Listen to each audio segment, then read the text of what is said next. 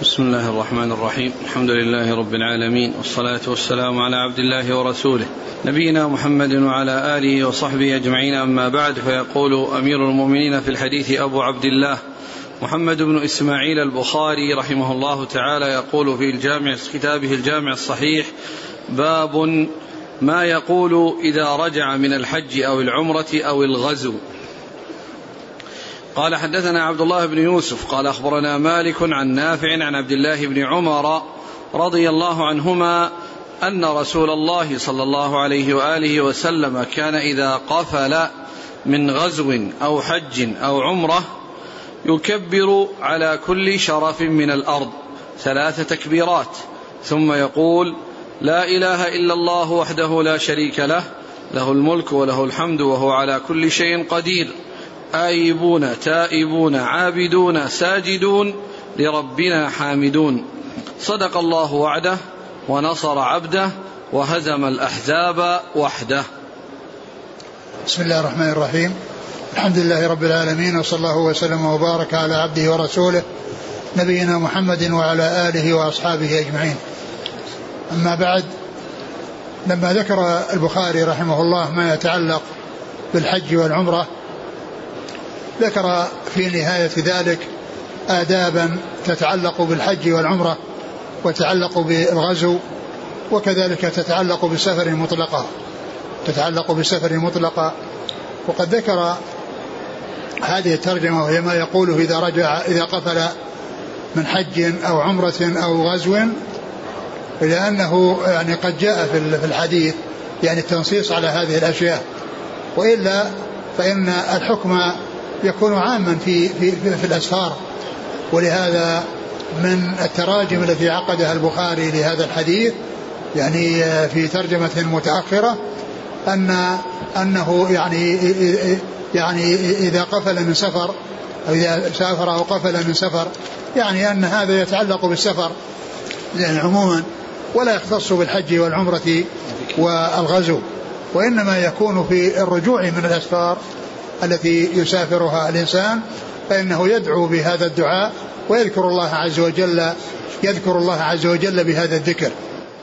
وذكر في حديث ابن عمر رضي الله تعالى عنهما وهو أن النبي صلى الله عليه وسلم كان إذا قفل يعني من غزو أو حج أو عمرة وكان على شرف فإنه يكبر فإنه يكبر و آه، يكبر ثلاثا.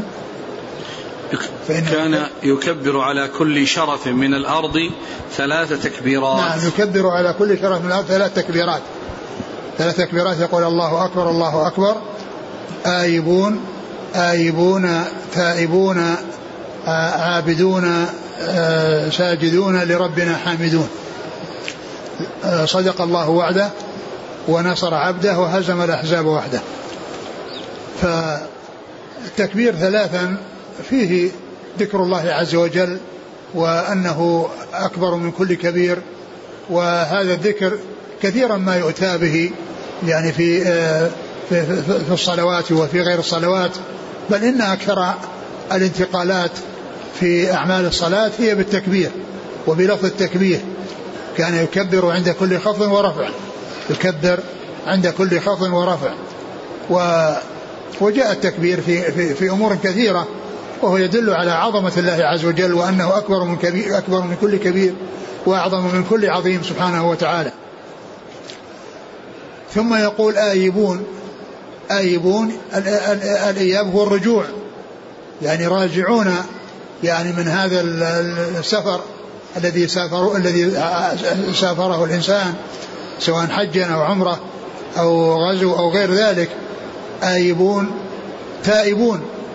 التوبة إلى الله عز وجل من جميع الذنوب والمعاصي وفيها السلامة من آه، آه، تبعات المعاصي وعقوباتها إذا تاب الإنسان منها فإن الله تعالى يتوب على من تاب عليه من تاب إليه.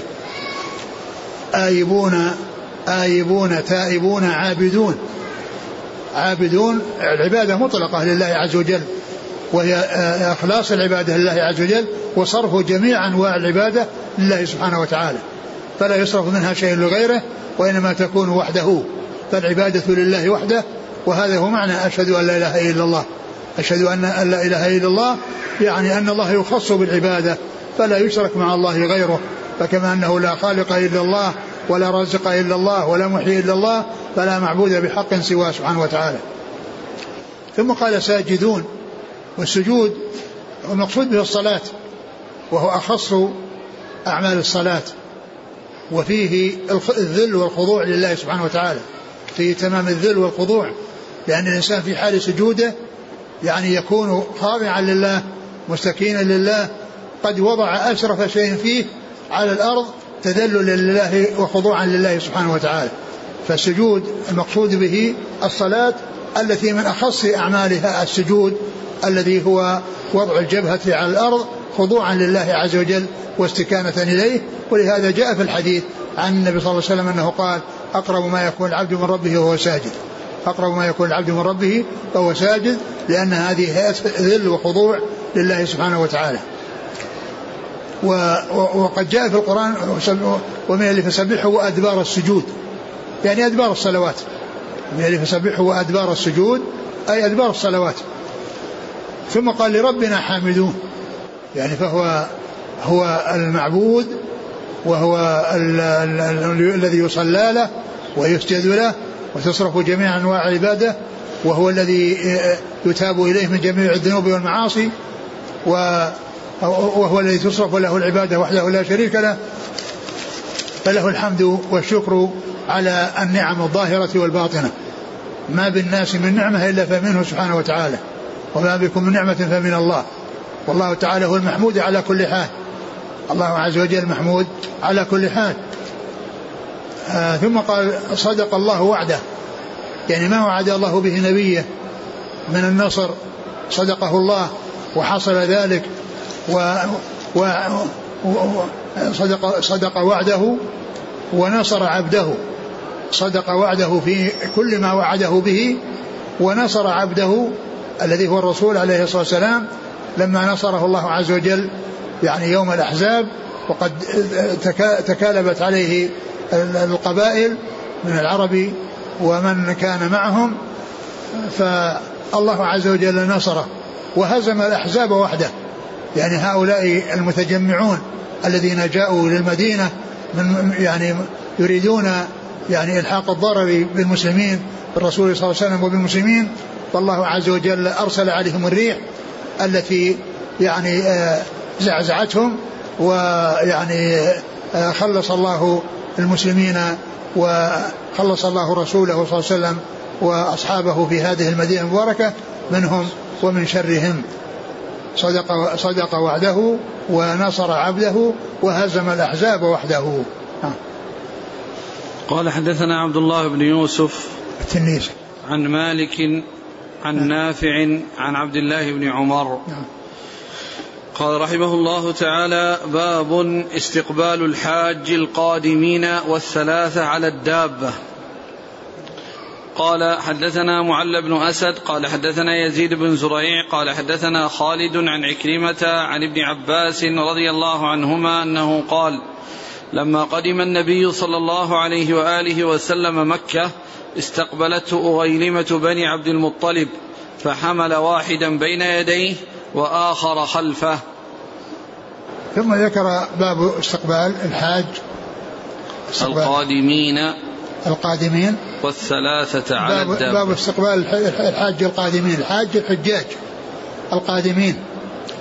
والثلاثة على على بعير. يعني يكون الثلاثة يركبون بعيرا. يعني إذا كان مطيقا فإن ذلك سائغ وجائز.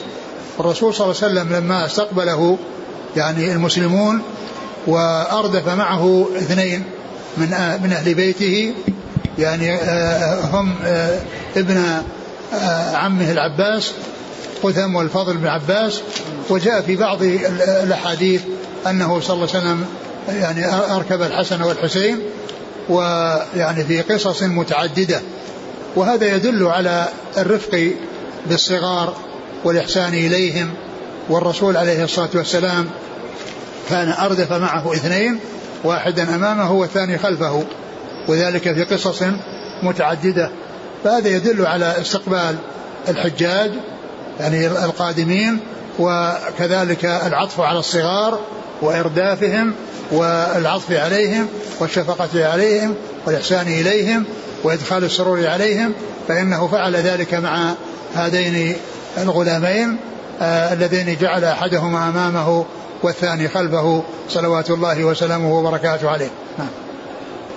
لما قدم النبي صلى الله عليه وسلم مكة استقبلته غيلمة بني عبد المطلب فحمل واحدا بين يديه وآخر خلفه جاء أن أن أحدهما قثم والثاني الفضل وهما ابناء العباس وأكبرهم الفضل الذي هو أكبر أولاد العباس والذي هو به يكنى وهو الذي أردفه النبي عليه الصلاة والسلام في حجه من من مزدلفة إلى الجمرة. قال حدثنا معل بن أسد عن يزيد بن زريع عن خالد خالد الحذاء عن عكرمة عن ابن عباس. نعم. قال رحمه الله تعالى باب القدوم بالغداة. قال حدثنا أحمد بن الحجاج قال حدثنا أنس بن عياض عن عبيد الله عن نافع عن ابن عمر رضي الله عنهما أن رسول الله صلى الله عليه وآله وسلم كان إذا خرج إلى مكة يصلي في مسجد الشجرة وإذا رجع صلى بذي الحليفة ببطن الوادي وبات حتى يصبح. ثم ذكر باب الدخول باب القدوم بالغداة. باب القدوم بالغداة. يعني في النهار وفي الصباح. الغداة الذي هو الصباح. يعني في الغداة أي القدوم في الصباح.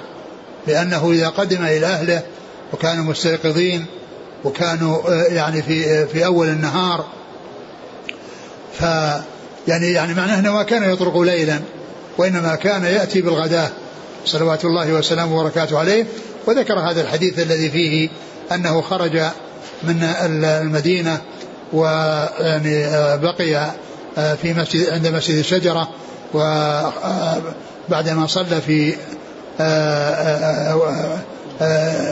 بعدما صلى في ذي الحليفة خمس صلوات الظهر والعصر العصر والمغرب والعشاء والفجر والظهر من الغد أحرم في الحج والعمرة صلوات الله وسلامه وبركاته وذهب إلى مكة. وإذا رجع ينزل بالبطحاء يعني غير المكان الذي عند المسجد الذي يكون منه الإحرام وإنما كان آخر أقرب منه و فبات حتى أصبح ودخل نهارا صلوات الله وسلامه وبركاته عليه يعني أنه لا يطرق ليلا إذا جاء في الليل بات في ذلك المكان حتى يصبح ثم دخل قدم المدينة ودخلها نهارا غدوة صلوات الله وسلامه وبركاته عليه. قال حدثنا أحمد بن الحجاج نعم. عن أنس بن عياض نعم. عن عبيد الله نعم. عن نافع عن ابن عمر نعم. قال رحمه الله تعالى باب الدخول بالعشي. قال حدثنا موسى بن إسماعيل قال حدثنا همام عن إسحاق بن عبد الله بن أبي طلحة عن أنس رضي الله عنه أنه قال كان النبي صلى الله عليه وآله وسلم لا يطرق أهله كان لا يدخل إلا غدوة أو عشية. ثم ذكر باب الدخول في, العشي في العشية. أي في آخر النهار وأول الليل يعني أنه في, في آه، الناس عندهم صلاة المغرب وصلاة العشاء. وصلاة العشاء الناس ينتظرونها ولا ينامون قبلها. ولهذا جاء النبي صلى الله عليه وسلم كان يكره النوم قبلها والحديث بعدها. فكان يعني يدخل في العشي والعشي يطلق على ما بعد الزوال لأن كله يقال له عشي وكذلك يطلق إلى إلى إلى مغيب الشفق الذي هو دخول وقت العشاء الذي هو دخول وقت العشاء لأنه كان لا يطرق أهله ليلا ولكنه يأتي في وقت هم مستيقظون إما في الغدوة في الصباح أو يأتيهم يعني في المساء بعد صلاة بعد الظهر أو يأتيهم بعد المغرب يعني إلى وقت العشاء ولا يأتيهم في وقت النوم يعني بحيث يطرق عليهم ويعني يفجأهم يعني في حال النوم وإنما يأتيهم في حال اليقظة. فإذا العشي يراد به ما بعد الزوال ويراد به أيضا كذلك ما بعد الغروب إلى صلاة العشاء. نعم. قال حدثنا موسى بن إسماعيل التبوذكي عن همام بن يحيى العوذي. عن إسحاق بن عبد الله بن أبي طلحة عن أنس. نعم. قال رحمه الله تعالى باب لا يطرق أهله إذا بلغ المدينة. قال حدثنا مسلم بن إبراهيم قال حدثنا شعبة عن محارب عن جابر رضي الله عنه أنه قال نهى النبي صلى الله عليه وآله وسلم أن يطرق أهله ليلا. ثم ذكر هذه الترجمة باب لا يطرق أهله إذا قدم المدينة. يعني أنه إذا قدم المدينة ليلا لا يطرق أهله وإنما يبيت يعني خارج المدينة ثم يدخل في الصباح كما كما فعل ذلك رسول الله عليه الصلاة والسلام وكما مر في أنه كان يعني إذا قدم يبيت في آه، في بطحة الحليفة وإذا أصبح دخل المدينة. يعني أنه لا يطرق في الليل إذا جاء في الليل لا يطرق. وهذا يعني كان في آه، آه، ذلك الوقت. أما الآن فالاتصال يعني موجود بين الرجل وأهله ويعرف أنهم مستيقظون أو نائمون. ف يعني فإذا دخل يعني في وقت يعني آه، هم مستيقظون فيه وقد آه، يعني أخبرهم بالتلفون أو الاتصال بينهم وهم ينتظرونه هذا لا محذور فيه. وإنما المحذور يعني في شيء يأتي ولا علم للناس إلا بطرق الباب لا علم للناس بالوافد والقادم إلا بطرقه الباب ويعني يكون قد ناموا فيحصل لهم شيء من التشوش. ولكن في هذا الزمان يعني عندما يكون هناك اتصال بينه وبين أهله بالتلفون وأنهم يعني مستق... يعني مستيقظون وأنهم يستقبلونه هذا هذا لا إشكال فيه ولا مانع منه. نعم. قال حدثنا مسلم بن إبراهيم نعم الفراهيدي. عن شعبة عن محارب. ابن دثار. عن جابر رضي الله عنه. نعم. قال رحمه الله تعالى باب من أسرع ناقته إذا بلغ المدينة. قال حدثنا سعيد بن أبي مريم. قال أخبرنا محمد بن جعفر. قال أخبرني حميد أنه سمع أنس رضي الله عنه يقول كان رسول الله صلى الله عليه وآله وسلم إذا قدم من سفر فأبصر درجات المدينة أوضع ناقته. وإن كانت دابة حركها قال أبو عبد الله زاد الحارث بن عمير عن حميد حركها من حبها. ثم ذكر باب إذا من أسرع ناقته إذا بلغ المدينة. ما من أسرع ناقته إذا قدم المدينة. أن الرسول عليه الصلاة والسلام كان إذا قدم المدينة ورأى جدرانها ورأى يعني آه، بنيانها أسرع يعني آه، آه، يعني أوضع ناقته يعني جعلها تسرع. الإيضاع هو الإسراع. الإيضاع هو الإسراع. وإذا كان على دابة حركها إذا كانت غير غير ناقة غير من غير الإبل يعني كالبغل والحمار والفرس وغير ذلك مع أن الدابة لفظ عام. يشمل يعني كل الدواب حتى الإبل يعني تدخل في كونها دابة. لكنها لما ذكرت وحدها وذكر غيرها يعني بوصف الدابة يعني معنى ذلك أن أن أن أن أن, أن الإيضاع يكون في حق الإبل وأما الدواب الأخرى كالبغال والحمير والخيل فإنها تحرك يعني تحرك يعني تحرك يعني بحيث أنها تكون حركتها يعني لكن ليست يعني كال كالإيضاع الذي يكون للإبل. وذلك من حبه لها. من حبه للمدينة صلوات الله وسلامه وبركاته عليه. قال وذلك من حبه لها يعني أنه يعني عندما يراها يعني يحصل منه شيء من الإسراع من أجل أن يصل إليها لمحبتها عنده صلوات الله وسلامه وبركاته عليه. وقوله درجات جاء في بعض الروايات درجات وفي بعضها جدر والمقصود بدرجات يعني الأماكن المرتفعة يعني كونه يعني في أماكن مرتفعة يعني آه، في الطريق إليها. و والجدران يعني جدرانها البنيان. نعم. وفي بعض النسخ دوحات. دوحات يعني الشجر. المقصود بها الدوحات يعني الشجرة الكبيرة. الدوحة الشجرة الكبيرة. ها. قال حدثنا سعيد بن أبي مريم عن محمد بن جعفر. بن أبي كثير. عن حميد. بن أبي حميد الطويل. عن أنس. نعم. قال أبو عبد الله زاد الحارث بن عمير عن حميد حركها من حبها. قال حد نعم زاد الحارث. الحارث بن عمير. نعم. قال حدثنا قتيبة قال حدثنا إسماعيل عن حميد عن أنس قال جدرات. تابعه الحارث بن عمير. يعني أنه جاء في بعض الروايات جدرات وفي بعضها درجات. والجدران الجدرات هي الجدر اللي البنيان الذي هو بنيان البيوت. والدرجات يعني الأماكن المرتفعة التي يصعد من بعضها إلى بعض. نعم. قال حدثنا قتيبة نعم. عن إسماعيل ابن جعفر. بن أبي كثير عن حميد عن أنس. إسماعيل؟ ابن جعفر ابن أبي كثير. نعم نعم. عن حميد عن أنس. نعم. قال رحمه الله تعالى باب قول الله تعالى وأتوا البيوت من أبوابها. قال حدثنا أبو الوليد قال حدثنا شعبة عن أبي إسحاق قال سمعت البراء رضي الله عنه يقول نزلت هذه الآية فينا. كانت الأنصار إذا حجوا فجاءوا لم يدخلوا من قبل أبواب بيوتهم ولكن من ظهورها فجاء رجل من الأنصار فدخل من قبل بابه فكأنه عير بذلك. فنزلت وليس البر بأن تأتوا البيوت من ظهورها ولكن البر من اتقى وأتوا البيوت من أبوابها. قال باب قول الله عز وجل وأتوا البيوت من أبوابها. نعم. يعني ذكر يعني معناه أن أن سبب نزول هذه الآية وأنهم كانوا إذا قدموا من الحج يعني الأنصار لا يدخلون من الأبواب وإنما يدخلون من الظهور.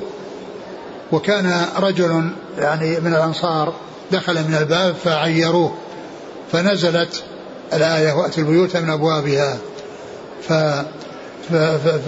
فدل على أن هذا الذي كانوا يفعلونه من الدخول من الظهور وعدم الدخول من الأبواب أن هذا من الأمور المنكرة التي يعني عليهم أن يتركوها وأن يدخلوا من الأبواب ولا يدخلوا من الظهور التي هي يعني ظهور ظهور البيوت بأن يتسلقوا ويأتوا يعني لا يدخلوا مع الأبواب. نعم. يعني كان لهم فيها يعني حكمة أو لماذا يعني يفعلون هذا؟ الأنصار بالذات إذا حجوا لم يدخلوا من قبل أبواب البيوت. ما أدري شوف الحافظ بن حجر ذكر يقول ظاهر في ظاهر في الاختصاص ذلك بالأنصار ولكن سيأتي في حديث جابر أن سائر العرب كانوا كذلك إلا قريشا. يعني كأنه يعني طبعا لا شك أنه يعني كونهم يفعلون لغرض يفعلون لغرض. اقرأ الحديث متنه. قال عن البراء رضي الله عنه قال نزلت هذه الآية فينا. كانت الأنصار إذا حجوا فجاءوا لم يدخلوا من قبل أبواب بيوتهم ولكن من ظهورها فجاء رجل من الأنصار فدخل من قبل بابه فكأنه عير بذلك فنزلت وليس البر بأن تأتوا البيوت من ظهورها ولكن البر من اتقى وأتوا البيوت من أبوابها. يعني هذا الرجل يعني ذكر فيها أقوال لكنها أقواها أنه ما اسمه؟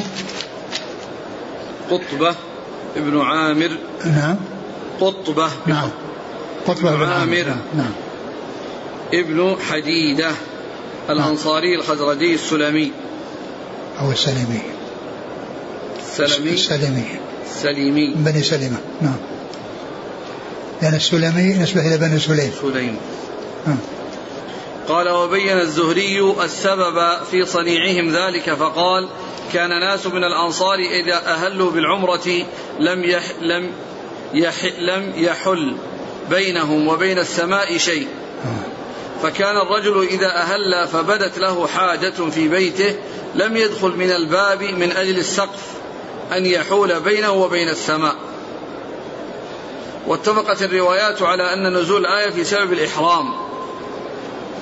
إلا ما أخرجه عبد بن حميد بإسناد صحيح عن الحسن قال كان الرجل من الجاهلية يهم بالشيء يصنعه فيحبس عن ذلك فلا يأتي بيتا من قبل بابه حتى يأتي الذي كان هم به. فجعل ذلك من باب الطيرة وغيره جعل ذلك بسبب الإحرام. قال حدثنا أبو الوليد هشام بن عبد الملك عن شعبة عن أبي إسحاق السبيعي عن البراء. نعم. قال رحمه الله تعالى باب السفر قطعة من العذاب.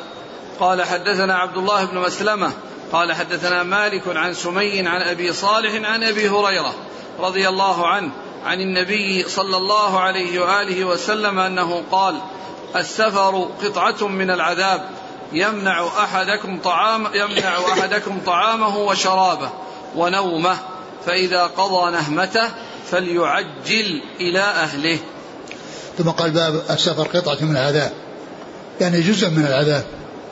وهذا العذاب يعني يراد به يعني عدم راحة النفس واطمئنانها واستقرارها وكون الإنسان مشغول بأهله يفكر فيهم ويعني يذكرهم فيطير عنه النوم ولا يتلذذ بالمأكل والمشرب.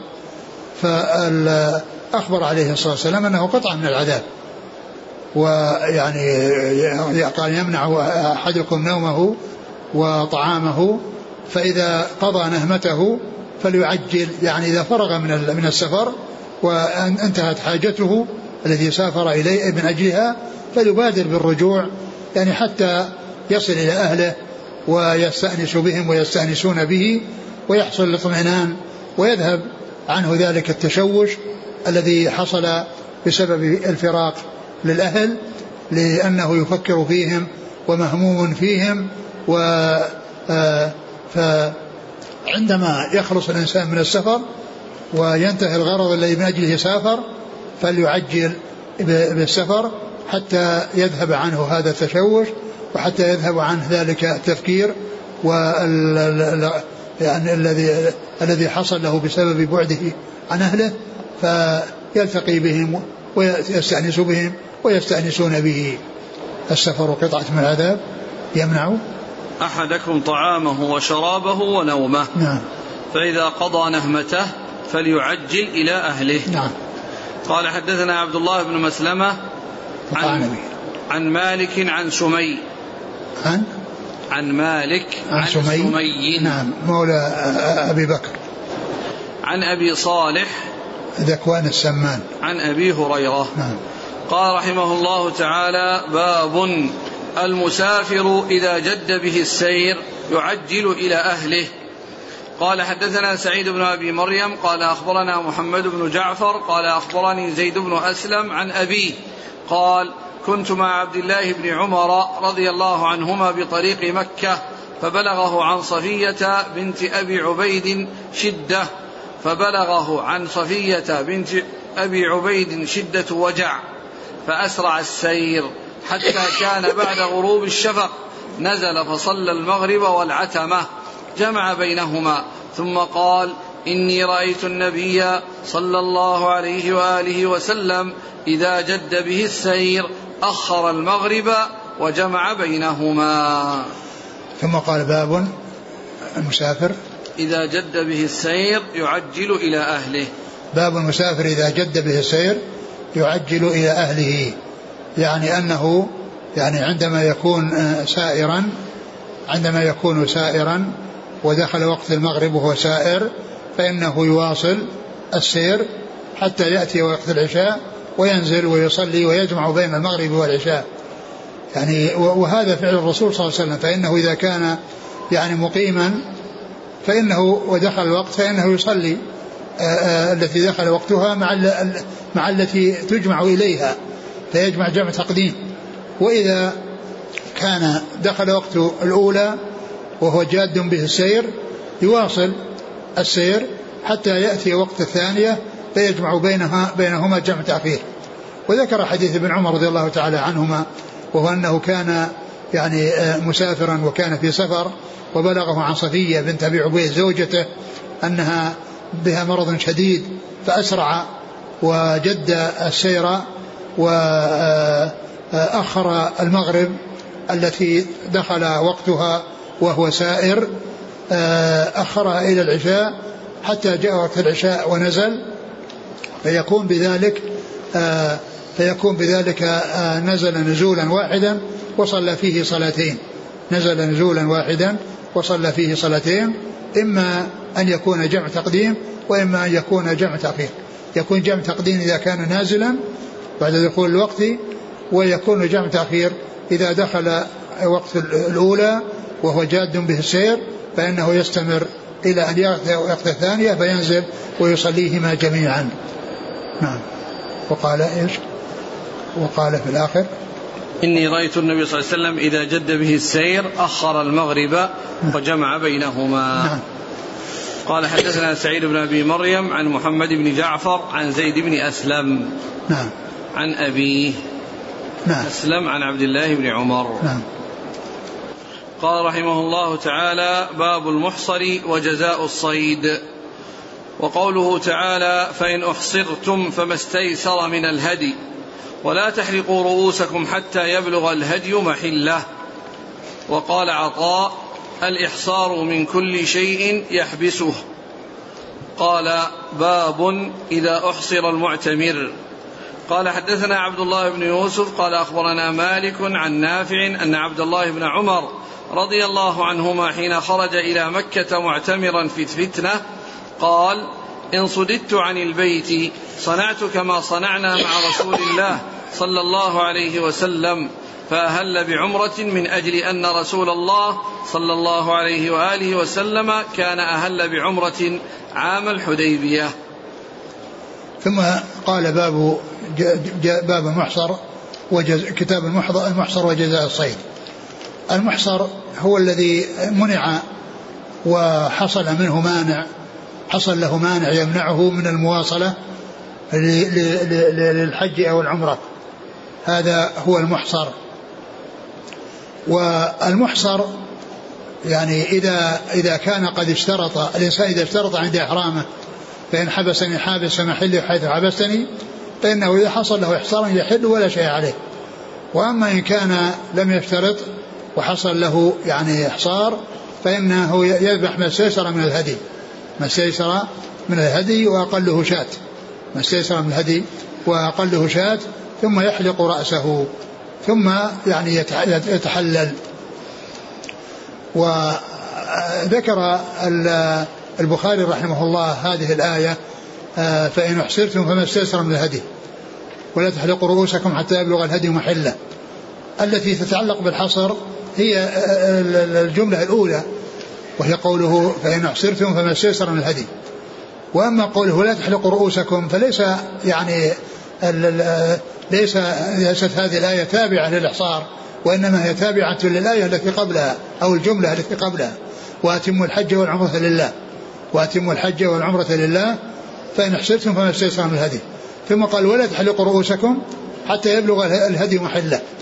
ولا تبلغوا احلقوا رؤوسكم حتى يبلغ الهدي محله يعني أن الإنسان إذا حج واعتمر أو يعني أو حج قارنا مفردا أو معتمرا يدخل الحج العمرة ويبقى في إحرامه إلى يوم العيد. قال ولا تحلقوا رؤوسكم حتى يبلغ الهدي محله ومحله والمحل هو هو يوم العيد الذي ينحر فيه الهدي للحجاج للحجاج القارنين والمتمتعين. القارنين والمتمتعين. وأما المفردون فإنه لا هدي عليهم لا هدي عليهم إلا إذا فعلوا تطوعا ف وإلا فإن الوجوب لا يجب إلا على القارنين والمتمتعين الذين أتوا بنسكين في سفر واحد أتوا بنسكين في سفر واحد. فإذا قوله ولا تحلقوا رؤوسكم هو يعني يرجع للآية الأولى. وليس معنى ذلك أن أن أن أنها تتعلق بالحصر فإن الحصر ذكر أن أن الإنسان إذا دخل يتم وإن أحسر يذبح ما استيسر من الهدي. ثم قال ولا تحلقوا رؤوسكم حتى يبلغ محلة يعني أن من أهل بعمرة أهل بحج قران أو إفراد ومعه هدي فإنه لا يحلق رأسه حتى يبلغ الهدي محلة. لكن احتاج إن احتاج إلى حلق الرأس لضرر فإنه يحلق عليه الفدية التي ذكرها الله عز وجل بعد هذا.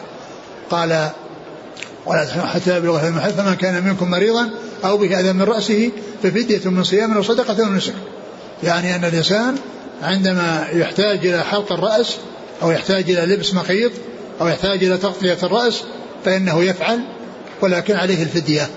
ولكن عليه الفدية وهو مخير بين أمور ثلاثة ذبح شاة أو إطعام ستة مساكين لكل مسكين نصف صاع أو صيام ثلاثة أيام. لأن الفدية المجملة في القرآن جاء تفسيرها في السنة في حديث كعب بن عجر رضي الله عنه حيث أرشده إلى أن يذبح شاة أو يطعم ستة مساكين لكل مسكين نصف صاع أو يصوم ثلاثة أيام أو يصوم ثلاثة أيام. فالإجمال جاء في القرآن والتفصيل والبيان جاء في السنة لأن لأنه قال فديه من صيام أو صدقة أو نسك وهي مجملة. فبين صلى الله عليه وسلم أن النسك ثبت وأن الصيام ثلاثة أيام وأن الإطعام إطعام ستة مساكين لكل مسكين آه، نصف صاع إذا آه، المحصر إن كان قد اشترط قبل عند الإحرام فإنه لا شيء عليه يحل ولا شيء عليه. وإن لم يشترط فإنه يعني ينحر أو يذبح يعني هديا ويحلق رأسه وبذلك يتحلل. ثم قال إيش بعد هذا؟ وقال عطاء الإحصار من كل شيء يحبسه. يعني قال عطاء بن أبي رباح الإحصار من كل شيء يحبسه. يعني سواء الحبس يعني منع من من من, من الدخول يعني سواء يعني ال يعني حصل المنع من الدخول أو حصل بشيء آخر يعني غير يعني يعني ظرف طرأ عليه بأن حصل له حادث سير وحصل له يعني عدم القدرة على الاستمرار فإنه آه، يعني آه، إن كان قد اشترط لا شيء عليه وإلا فإنه يعني آه، يذبح يعني هديا ويحلق رأسه. نعم. ثم قال إذا أحصر المعتمر باب إذا أحصر المعتمر. فأورد في حديث ابن عمر حين خرج إلى مكة معتمرا في الفتنة قال إن صددت عن البيت صنعت كما صنعنا مع رسول الله صلى الله عليه وسلم فأهل بعمرة. من أجل أن رسول الله صلى الله عليه وسلم كان أهل بعمرة عام الحديبية. إذا, إذا أحسن معتمر فإنه كما ذكرنا يعني إن كان قد اشترط لا شيء عليه وإن كان لم يشترط فإنه يعني آه يعني يذبح هديا ويحلق رأسه. وذكر يعني حديث ابن عمر وأنه لما أراد أن يحج وأنه يعني وكان ذاك الوقت وقت فتنة وقيل إنه يخشى أن يكون هناك قتال فقال إنه يذهب وإن حصل له مانع وحصر فإنه يفعل كما فعل الرسول صلى الله عليه وسلم وقد أحرم بعمرة من أجل أن الرسول صلى الله عليه وسلم أحرم بعمرة. ولكنه آه، جاء عن في الروايات الأخرى أنه قال ما شأن الحج والعمرة إلا واحدا فأحرم أدخل الحج على العمرة وصار قارنا وقال إن حصل له صد عن الحج فإنه يفعل مثل ما فعل الرسول صلى الله عليه وسلم لما صد عن عمره لأن الصد عن العمرة الصد عن الحج مثل صد عن العمرة. وصد عن العمرة يعني جاء فيه النص وجاء فيه أن الرسول صلى الله عليه وسلم صد عن العمرة فكذلك من صد عن الحج يكون حكمه مثل حكم من صد عن العمرة. نعم. قال حدثنا عبد الله بن يوسف عن مالك عن نافع عن ابن عمر. نعم. قال حدثنا عبد الله بن محمد بن أسماء قال حدثنا جويرية عن نافع أن عبد الله بن عب أن, عب أن عبيد الله بن عبد الله وسالم بن عبد الله أخبراه أنهما كلما عبد الله بن عمر رضي الله عنهما ليالي نزل الجيش بابن الزبير رضي الله عنهما فقال لا يضرك ألا تحج العام وإنا نخاف أن يحال بينك وبين البيت فقال خرجنا مع رسول الله صلى الله عليه وسلم فحال كفار قريش دون البيت فنحر النبي صلى الله عليه وسلم هديه وحلق رأسه وأشهدكم أني قد أوجبت العمرة إن شاء الله أنطلق فإني فإن فإن خلي بيني وبين البيت طفت وإن حيل بيني وبينه فعلت كما فعل النبي صلى الله عليه وسلم وأنا معه. فأهل بالعمرة من ذي الحليفة. ثم سار ساعة ثم قال إنما شأنهما واحد. أشهدكم أني قد أوجبت حجة مع عمرتي. فلم يحل منهما حتى حل يوم النحر وأهدى. وكان يقول لا يحل حتى يطوف طوافا واحدا يوم يدخل مكة. ثم ذكر ثم ذكر يعني آه، حديث ابن عمر رضي الله عنهما وأنه كان يعني عزم على الحج وأنه يعني اقترح عليه أنه لا يذهب وأنه يخشى أن يكون هناك قتال. فقال إن إن حصل صد عن عن عن, عن البيت فإنه يفعل كما فعل الرسول صلى الله عليه وسلم لما صد عن البيت يوم الحديبية حيث حلق وحيث نحر هديه وحلق رأسه صلى الله عليه وسلم ورجع وصارت عمرة وصد عنها صلوات الله وسلامه وبركاته عليه فأحرم بعمرة من أجل أن الرسول صلى الله عليه وسلم كان قد أحرم بعمرة وصد عنها. ثم قال ما شأنهما إلا واحد الحج والعمرة شأنهما واحد. قال الذي يحصل في الحج هو الذي يفعله من من رد عن الحج يفعله من رد عن العمرة. قال ما شأنهما إلا واحدا فأحرم بالحج وأدخله على العمرة وصار بذلك قارنا. وصار بذلك قارنا. وقال إنه إن, إن صد فعل كما فعل الرسول صلى الله عليه وسلم وإن لم يعني يحصل منه الصد فإنه يكمل حجه وعمرته. إيش قال؟ قال ما شأنهما إلا واحد. إنما شأنهما واحد أشهدكم أني قد أوجبت حجة مع عمرتي فلم يحل منهما حتى حل يوم النحر وأهدى. يعني هذا الإشهاد يعني ليس بلازم وإنما أراد أن يبين يعني أنه دخل في نسك أول وبعد ذلك أدخل عليه نسكا آخر لأنه لأن شأن الحج هو شأن العمرة. ومن صد عن البيت وهو حاج يفعل كما فعل من صد عن البيت وهو معتمر لأنه لا فرق بينهما. نعم ثم؟ وكان يقول لا يحل حتى يطوف طوافا واحدا يوم يدخل مكة. وكان يقول لا يحل يعني حتى يطوف طوافا واحدا يعني حين يدخل مكة وهذا بالنسبة يعني بالنسبة للمعتمر الذي هو متمتع فإنه يطوف طوافا واحدا يعني الذي هو يعني يطوف طواف العمرة ويسعى بين الصفا والمروة العمرة, ويتحلى. أما من كان يعني قارنا أو مفردا فإنه يطوف بالبيت طواف القدوم ويسعى بين الصفا والمروة ويبقى على إحرامه إلى يوم العيد. ويبقى على إحرامه إلى يوم العيد حيث يعني يرمي الجمرة وينحر الهدي إذا كان قارنا آه، يعني أو متمتعا ويعني آه، آه، ويحلق رأسه وبذلك يحصل التحلل الأول. إيش قال؟ في الحديث. وكان يقول لا يحل حتى يطوف طوافا واحدا يوم يدخل مكة. ومعلوم أن الطواف الذي يعني هو ركن والذي هو لازم هو طواف هو الطواف السعي بين الصفا والمروة. وأما طواف القدوم فليس بلازم وإنما هو مستحب. وقد لا يدخل الإنسان مكة إلا بعد الحج فما يكون عليه طواف قدوم وإنما اللازم هو طواف الإفاضة. وطواف الإفاضة لا يكون إلا بعد الحج.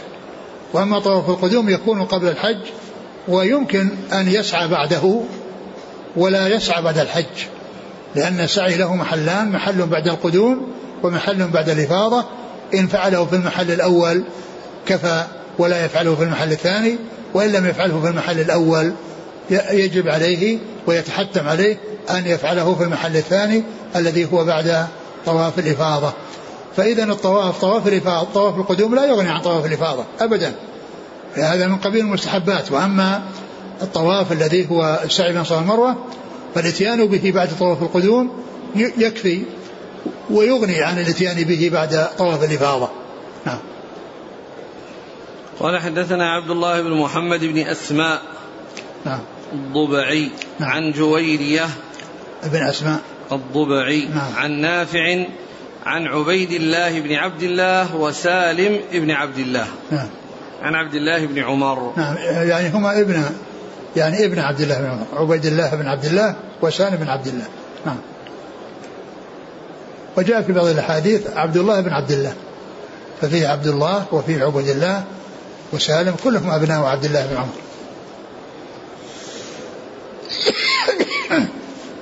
قال حدثني موسى بن إسماعيل قال حدثنا جغيري عن نافع أن بعض بني عبد الله قال له لو أقمت بهذا.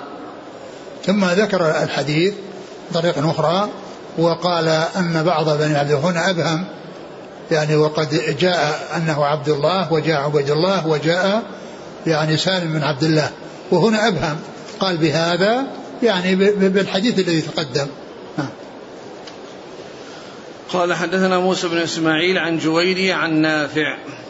قال حدثنا محمد قال حدثنا يحيى بن صالح قال حدثنا معاوية بن سلام قال حدثنا يحيى بن أبي كثير عن عكرمة أنه قال قال ابن عباس رضي الله عنهما قد أحصر رسول الله صلى الله عليه وسلم فحلق رأسه وجامع نساءه ونحر هديه حتى اعتمر عاما قابلا ثم ذكر آه، الحديث؟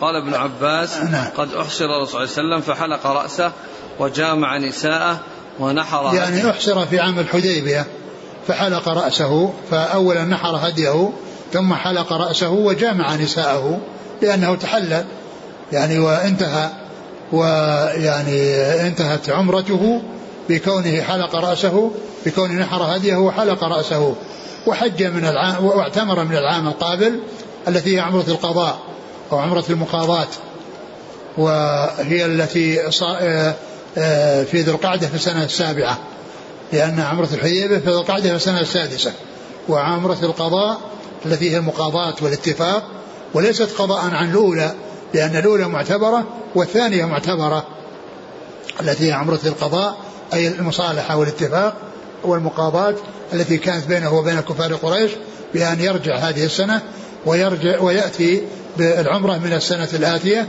فجاء من السنة الآتية وأدى العمرة. أدى عمرة ثانية تضاف إلى عمرة الحديبية. نعم. قال حدثنا محمد. هو؟ قال يحتمل أنه محمد بن إدريس الرازي أبو حاتم أو محمد بن إسحاق الصغاني كلاهما قد روى الحديث عن يحيى بن صالح. عن يحيى بن صالح عن معاوية بن سلام عن يحيى بن أبي كثير عن عكرمة عن ابن عباس نعم. قال رحمه الله تعالى باب الإحصار في الحج قال حدثنا أحمد بن محمد قال أخبرنا عبد الله قال أخبرنا يونس عن الزهري قال أخبرني سالم قال كان ابن عمر رضي الله عنهما يقول أليس حسبكم سنة رسول الله صلى الله عليه وسلم؟ إن حبس أحدكم عن الحج طاف بالبيت وبالصفا والمروة ثم حل من كل شيء حتى يحج عاما قابلا فيهدي أو يصوم إن لم يجد هديا. وعن عبد الله قال أخبرنا معمر عن الزهري قال حدثني سالم عن ابن عمر نحوه. أعد. باب. الإحصار في الحج. نعم. كان ابن عمر رضي الله عنهما يقول أليس حسبكم سنة رسول الله صلى الله عليه وسلم؟ إن حبس أحدكم عن الحج طاف بالبيت وبالصفا والمروة ثم حل من كل شيء حتى يحج عاما قابلا. فيهدي نعم إذا أحصر عن الحج إذا أحصر عن الحج ومنع الحج أو يعني فاته الحج فإنه يعني يأتي بعمرة ويطوف ويسعى ويقصر ويأتي بالحج من العام القادم. وهذا الحج إذا كان لازما إذا كان هذا هو حج الفرض إذا كان هو الحج الفرض أو حج نذر فإنه عليه أن يأتي به. وأما إذا كان تطوعا لا يلزمه إذا كان تطوعا لا يلزمه أن يأتي بحج بداله. يعني بدلا من, من ذلك الحج الذي يعني لم يتم. نعم. مع الهدي. مع الهدي. إيش لفظ الحديث؟ قال ثم آه إن إن حبسكم إن حبس أحدكم عن الحج طاف بالبيت والصفا والمروة ثم حل من كل شيء حتى يحج عاما قابلا فيهدي أو يصوم. فيهدي, فيهدي أو يصوم إن لم يجد هديا. نعم الذي هو هدي التمتع أو القران نعم. ليس عن عن الإحصار الأول. نعم. الآن من فاته الحج. نقول له إذا كان إلى عمره. نعم إذا ويحج إذا كان الحج واجب فريضة يحج من العام القادم. الحج يعني إذا كان فريضة يحج من العام القادم. معلوم أنه إذا حج من العام القادم إن أحرم بحج مفرد ليس عليه شيء. لكن يعني كأن هذا للإحصار. نعم. إذا يؤخر عن وقته إلى الزمان القادم؟ لا. يعني قال يفعل في وقته. حتى يحج عاما قابلا فأتى بالفاء فيهدي أو يصوم إن لم يجد هديا. يعني يبدو أن الحج يعني العام القادم يعني إذا كان أنها أنه واجب فإنه آه، إن حج مفردا ليس عليه شيء لا يجب عليه هدي. لكن إن حج قارنا إذا كان حج قارنا هو الذي يلزمه هدي يعني في ذاك الوقت وهنا يعني كأنه فيه للإعصار إذا كان أنه يعني يعني حيل بينه وبين الحج ولكنه تمكن من العمرة. نعم كما المحصر يهدي. نعم كما نعم المحصر نعم يهدي. نعم, نعم, نعم, نعم قال حدثنا أحمد بن محمد المروزي. عن عبد الله ابن مبارك عن يونس عن الزهري. يونس بن يزيد الأيلي. عن سالم عن ابن عمر. قال وعن عبد الله قال أخبرنا معمر عن الزهري عن سالم عن ابن عمر. وعن عبد الله. نحوه. نعم. قال رحمه الله تعالى باب النحر قبل الحلق في الحصر. قال حدثنا محمود قال حدثنا عبد الرزاق قال أخبرنا معمر عن الزهري عن عروة عن المسور رضي الله عنه أن رسول الله صلى الله عليه وسلم نحر قبل أن يحلق وأمر أصحابه بذلك. ثم ذكر النحر قبل الحلق يعني في الإحصار وقال إن ذكر الحديث وأن الرسول صلى الله عليه وسلم نحر هديه في الحديبية ثم حلق نحر هديه ثم حلق. يعني معناه أنه يبدأ بالنحر ثم يأتي بالحلق بعد ذلك. نعم. قال حدثنا محمود ابن غيلان. المروزي عن عبد الرزاق ابن همام. عن معمر عن الزهري عن عروة نعم. بن الزبير عن نعم. المسور ابن مخرمة رضي الله عنه. قال حدثنا محمد بن عبد الرحيم. قال أخبرنا أبو بدر شجاع بن الوليد عن عمر بن محمد العمري قال وحدث نافع أن عبد الله وسالما كلما عبد الله بن عمر رضي الله عنهما فقال خرجنا مع النبي صلى الله عليه وسلم معتمرين فحال كفار قريش دون البيت فنحر رسول الله صلى الله عليه وسلم بدنه وحلق رأسه. ثم ذكر الحديث وفيه يعني تقديم الحلق على تقديم النحر على الحلق وهو وقد تقدم الحديث يعني مرارا. نعم. قال حدثنا محمد بن عبد الرحيم عن أبي بدر. محمد بن عبد الرحيم هو لقب صاعقة وأبو بدر هو شجاع. بن الوليد نعم. عن عمر بن محمد العمري م. قال وحدث نافع نعم. أن عبد الله وسالم كلم عبد الله بن عمر. نعم. قال رحمه الله تعالى باب من قال ليس على المحصر بدل. وقال روح عن شبل عن ابن أبي نجيح والله تعالى أعلم وصلى الله وسلم وبارك على عبده ورسوله نبينا محمد وعلى آله وأصحابه أجمعين. جزاكم الله خيرا وبارك الله فيكم ألهمكم الله الصواب وفقكم للحق شفاكم الله وعافاكم نفعنا الله بما سمعنا وغفر الله لنا ولكم وللمسلمين أجمعين. آمين. آه، الإخوة يسألون عن المحصر. ذكرتم أنه ينحر هديه. نعم. يقولون أين؟ ينحر في المكان الذي يحصر فيه. ولا يرسله إلى الحرم. إذا كان إذا كان يعني ما ما يستطيع إن, إن استطاع يرسله. وإن لم يستطع فإنه يذبحه. لكن إذا كان أنها يعني ما استطاع أنه يذهب فقد يكون الهدي مثله. لكنه إذا إذا أمكن أنه يرسل للحرم ويذبحه لا شك أن هذا هو, هو الذي ينبغي. لكنه يذبح في لكنه ينبغي إذا ذبح في مكانه وحلق تحلل. لأنه لو أرسله يعني يبقى يعني حتى يعني يأتي الوقت الذي يعرف أنه وصل. لكن كونه يذبح يذبح في محل الإحصار ويحلق وينتهي. هل يمكن أن نقول أن الإحصار ينقسم إلى قسمين. إحصار عن البيت. وإحصار عن بقية المشاعر.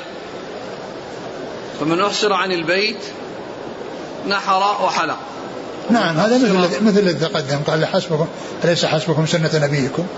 نعم إذا حصل أنه ذهب ولكن حيل بينه وبين الحج فإنه يعني وقد أحرم بالحج يعني يأتي بعمرة.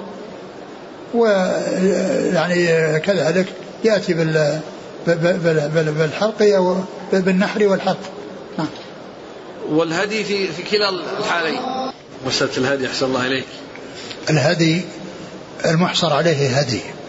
إذا لم يعني يتمكن من الإتمام النسك الذي قدم من أجله سواء كان حجا أو عمرة. فإذا لم لم يصل إلى إلى مكة سواء كان حاجا أو معتمرا وكان قد اشترط فإنه لا شيء عليه. يعني يتحلل ولا شيء عليه. وإن كان لم يشترط فإنه يعني سواء حبس أو حصر عن الحج عن عن الحج أو عن العمرة أو عن الحج ولم يصل إلى مكة فإنه يعني ينحر ويحلق. وإن وصل إلى مكة وتمكن من من الإتيان بالعمرة ولم يحيل بينه وبين الحج إن كان متمتعا كان قد أحرم بعمرة فإنه إذا فرغ من عمرته خلاص انتهى لا يلزمه شيء. لأنه لا, لا يعني لأن المعتمر أدى عمرته وطاف وسعى وقصر وانتهى فلا يلزمه شيء. وإن كان يعني آه، حاجا أو قارنا ولم ولم يمكن من الوصول من من الحج حتى يعني يبلغ الهدي محله فإنه آه، يعني آه، يأتي بعمرة ويتحلل بها ويكون عليه دم الإعصار يعني يحلق رأسه وينحر ينحر الهدي الإعصار ويحلق رأسه بعد ذلك. وإن كان الحج الذي منع منه يعني كان فرضا بأن كان حجة الإسلام أو كان نذرا فإنه يأتي به في المستقبل. وإن أتى به في السنة التي بعدها هذا هو الذي ينبغي. نعم. فإن لم يستطع الهدي. يصوم يصوم عشرة أيام. وليس على التقسيم الذي في الحج. لا يصوم عشرة أيام يأتي بها لأن هذاك يعني في الحج وفي غير الحج. وأما هذا ليس في الحج. مسألة الترتيب بين الحلق والهدي في الإحصار. نعم يرتب. ما في مثل الحج. لا لا, لا لا هذا في الإحصار الحلق النحر قبل قبل الحلق. بخلاف ذاك الذي فيه تخيير. يعني أفعال يوم النحر الأربعة يرتب بينها هذا ليس فيه ليس فيه ترتيب ليس فيه تغيير وإنما فيه الترتيب. آه، في نسخة في لما ذكر الحصر قال أبو عبد الله حصورا لا يأتي النساء. في نسخة؟ في نعم. يعني كان كلمة يعني كلمة من من القرآن يعني تطابق أو توافق الكلمة التي جاءت في يعني في السنة أو جاءت في القرآن التي بين عصرتم يعني منها هذه الكلمة التي عصورة الأول حديث الذي قرأناه في الذكر الذي يقول الإنسان إذا رجع وقفل هل يقول هذا الذكر من ابتداء الرجوع؟ هنا. أو عند وصوله إلى أطراف البلد لا لا لا. يأتي به يعني يأتي به عند الابتداء وعند الانتهاء. كله يأتي به. يأتي به عند الابتداء وعند الانتهاء. التكبير على كل شرف. هل هذا خاص في السفر أو حتى داخل البلد؟ لا داخل البلد يعني ليس لأن هذا جاء إنما جاء في الأسفار. أما داخل البلد يعني يكون يطلع وينزل مكان مرتفع مكان منخفض لا يقال إن هذا إن هذا جاء في الأسفار. يقول آه، فضيلة الشيخ يستقبل الحجاج والمعتمرين في البلد عند رجوعهم من الحج ويجتمع آه، للحاج الواحد أكثر من عشرين شخصا في المطار ويطلبون منه الدعاء علما بأنهم يعتقدون بأن دعاء الحاج والمعتبر مقبول لمدة أربعين يوما. لا هذا غير صحيح. ما فيه. أقول ما فيه. أقول ما في ما يعني لا يعلم الغيب إلا الله والقبول عند الله عز وجل. ولكن أي كونه يقال أنه يقبل لمدة كذا وكذا هذا كلام يعني غير صحيح. أولا كونه مقبول القبول علمه عند الله عز وجل. لكن كونه يحدد مدة هذه فيها قبول واللي بعدها ما فيه قبول هذا كلام ليس له أساس. يقول من أحصر عن البيت ولم يجد الهدي هل يؤخر الحلق إلى بعد الصيام؟ هو الذي يبدو نعم. يعني يصوم عشرة أيام نعم. ثم يحلق. نعم. قول ابن عمر ما شأنهما إلا واحد. هل يستفاد منه دليل على القياس؟ أن ابن عمر كان يقول بالقياس اي نعم. القياس لا شك أنه يعني يعني جاءت الأدلة الكثيرة على اعتباره. يعني وهذا فيه هذا فيه استعمال القياس. والقياس جاء في أدلة كثيرة تدل على اعتباره. إذا أحصر أحد ولم يجد الهدي هل يمكن له أن يوكل شركة أو شخصا؟ ينحر عنه الهدي فيباشر الحلق ويتحلل مباشرة قبل أن يقوم الوكيل بنحر لا الهدي؟ لا لا. يعني يكون النحر قبل قبل الحلق. جزاكم الله خيرا. سبحانك اللهم وبحمدك نشهد أن لا إله إلا أنت استغفرك